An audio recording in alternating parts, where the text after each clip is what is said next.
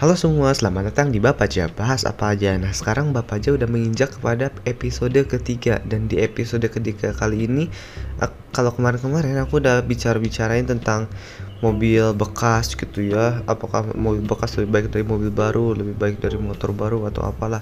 Nah jadi sekarang aku bakal langsung aja kasih tahu Gimana pengalaman aku pakai mobil bekas itu sendiri.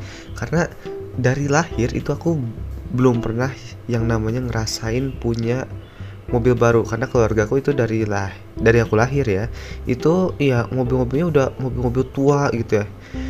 Ya dari dulu aja ya contoh dari pertama-tama yang paling dulunya yang ini aku bicaranya aku ingat aja karena memang dulu bener-bener sering banget ganti-ganti mobil sih bukan karena itu uh, bukan upgrade-upgrade ya cuma memang ganti-ganti aja gitu karena pengen aja gitu ya.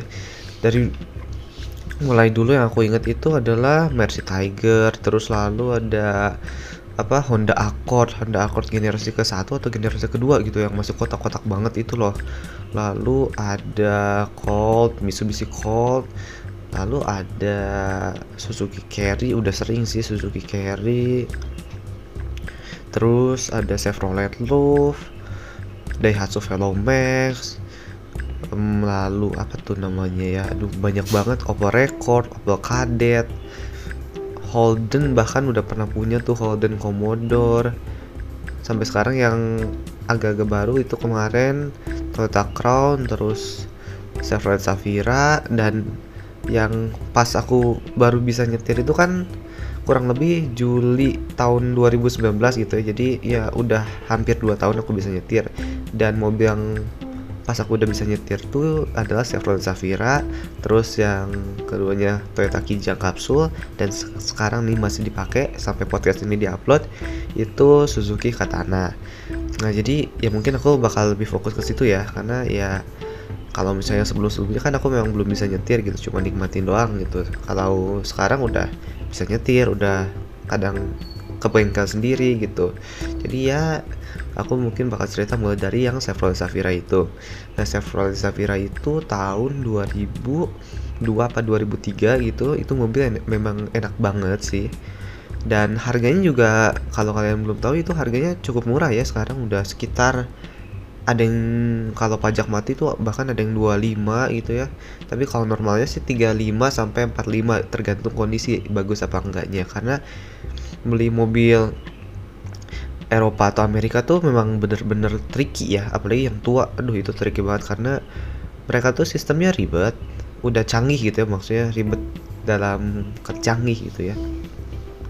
Tapi ya karena udah tua itu jadi kadang ada yang malfunction ada yang rusak ada yang apa dan itu tuh susah gitu dibenerinnya dan mahal juga gitu.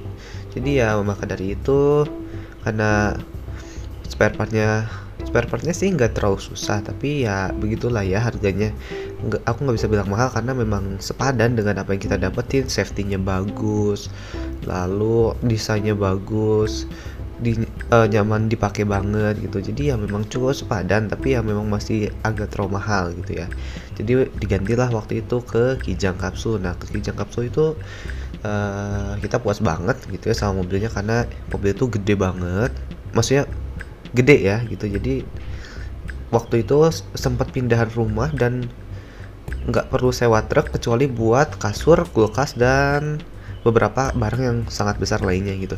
Sisanya kayak meja lemari ukuran sedang rak-rak itu nggak usah pakai truk gitu. Jadi pakai mobil itu udah cukup karena kan jok belakangnya dicopot dan ya itu mobil punya ruang yang luas banget. Terus mobil itu juga reliability-nya itu bagus banget karena memang nggak pernah rusak.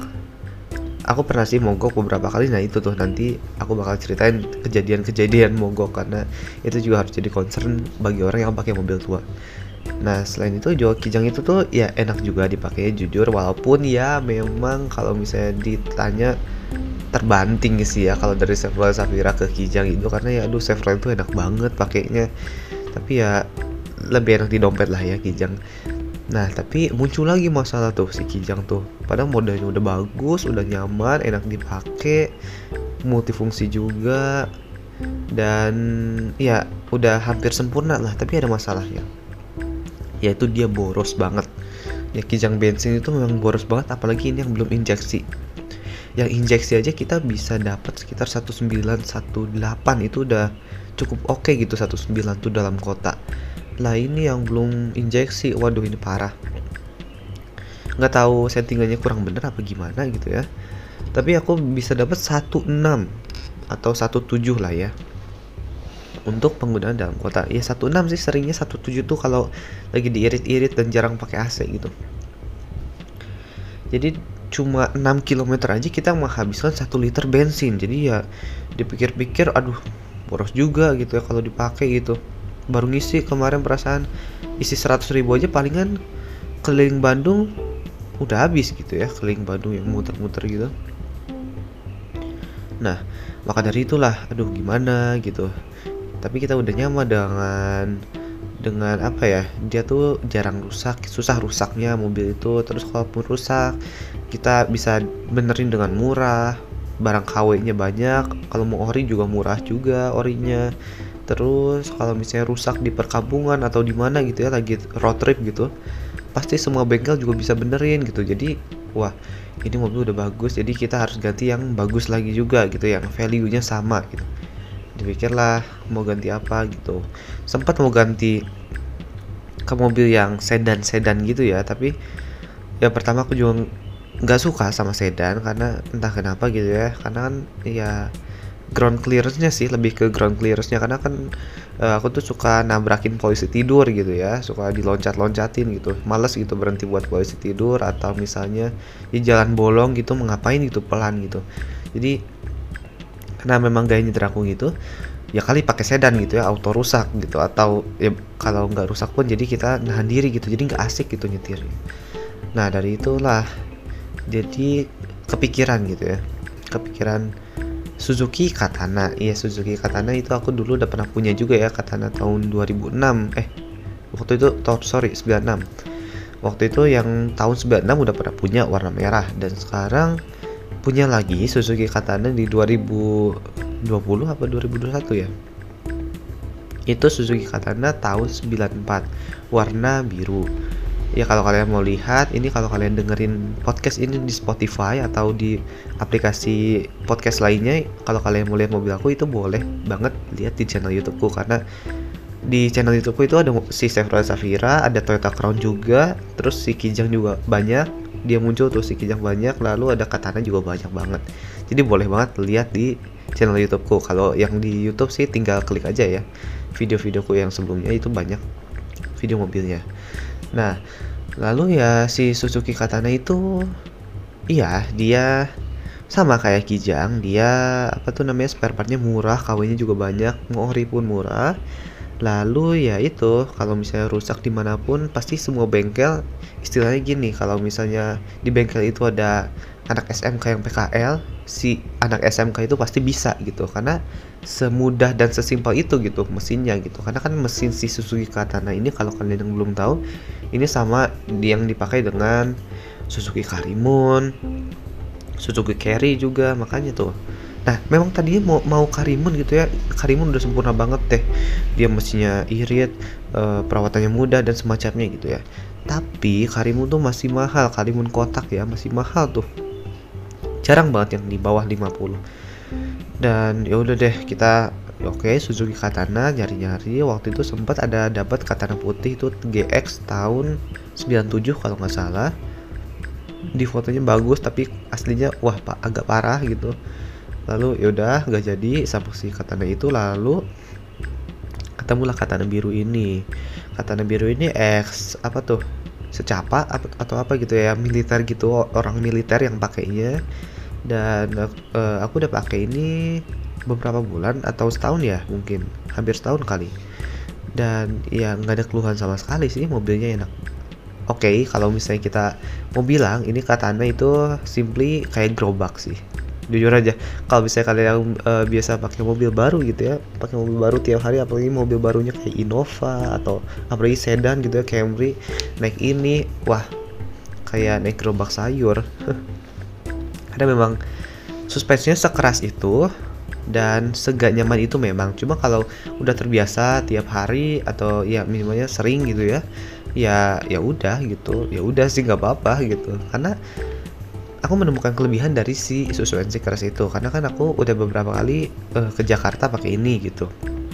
Dan surprisingly mobil ini tuh enak banget buat dipakai ke Jakarta padahal kan ya wah ini mobil kecil nih gimana ke Jakarta gitu ya. Dipikirnya gitu aku sebelum sebelum ke Jakarta sendiri pakai mobil ini itu gitu mikirnya. Ternyata pas udah dipakai wah nyaman sih.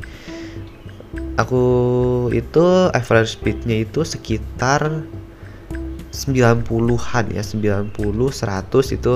Karena aku mau ngejaga RPM biar cukup rendah gitu di 3000-an aja lah gitu. Karena kenapa? Bukan karena takut berisik atau takut meledak gitu ya tapi karena biar irit bensinnya. Dan memang aku cuma ke Jakarta itu PP itu 150.000 aja. 150.000 per talit. Berarti berapa liter tuh? Udah keliling juga ke daerah Senayan ke uh, apa tuh namanya? Ke Casablanca dan semacamnya itu udah keliling ke mana-mana gitu ya. Walaupun nggak sampai ke Jakarta Utara cuma ya keliling di Jakarta Pusat aja. Dan itu cuma menghabiskan 150.000 bensin PP Bandung Jakarta. Menurutku itu cukup hebat buat mobil tua. Dan itu full AC ya aku mana pernah mati AC apalagi di Jakarta yang panas banget.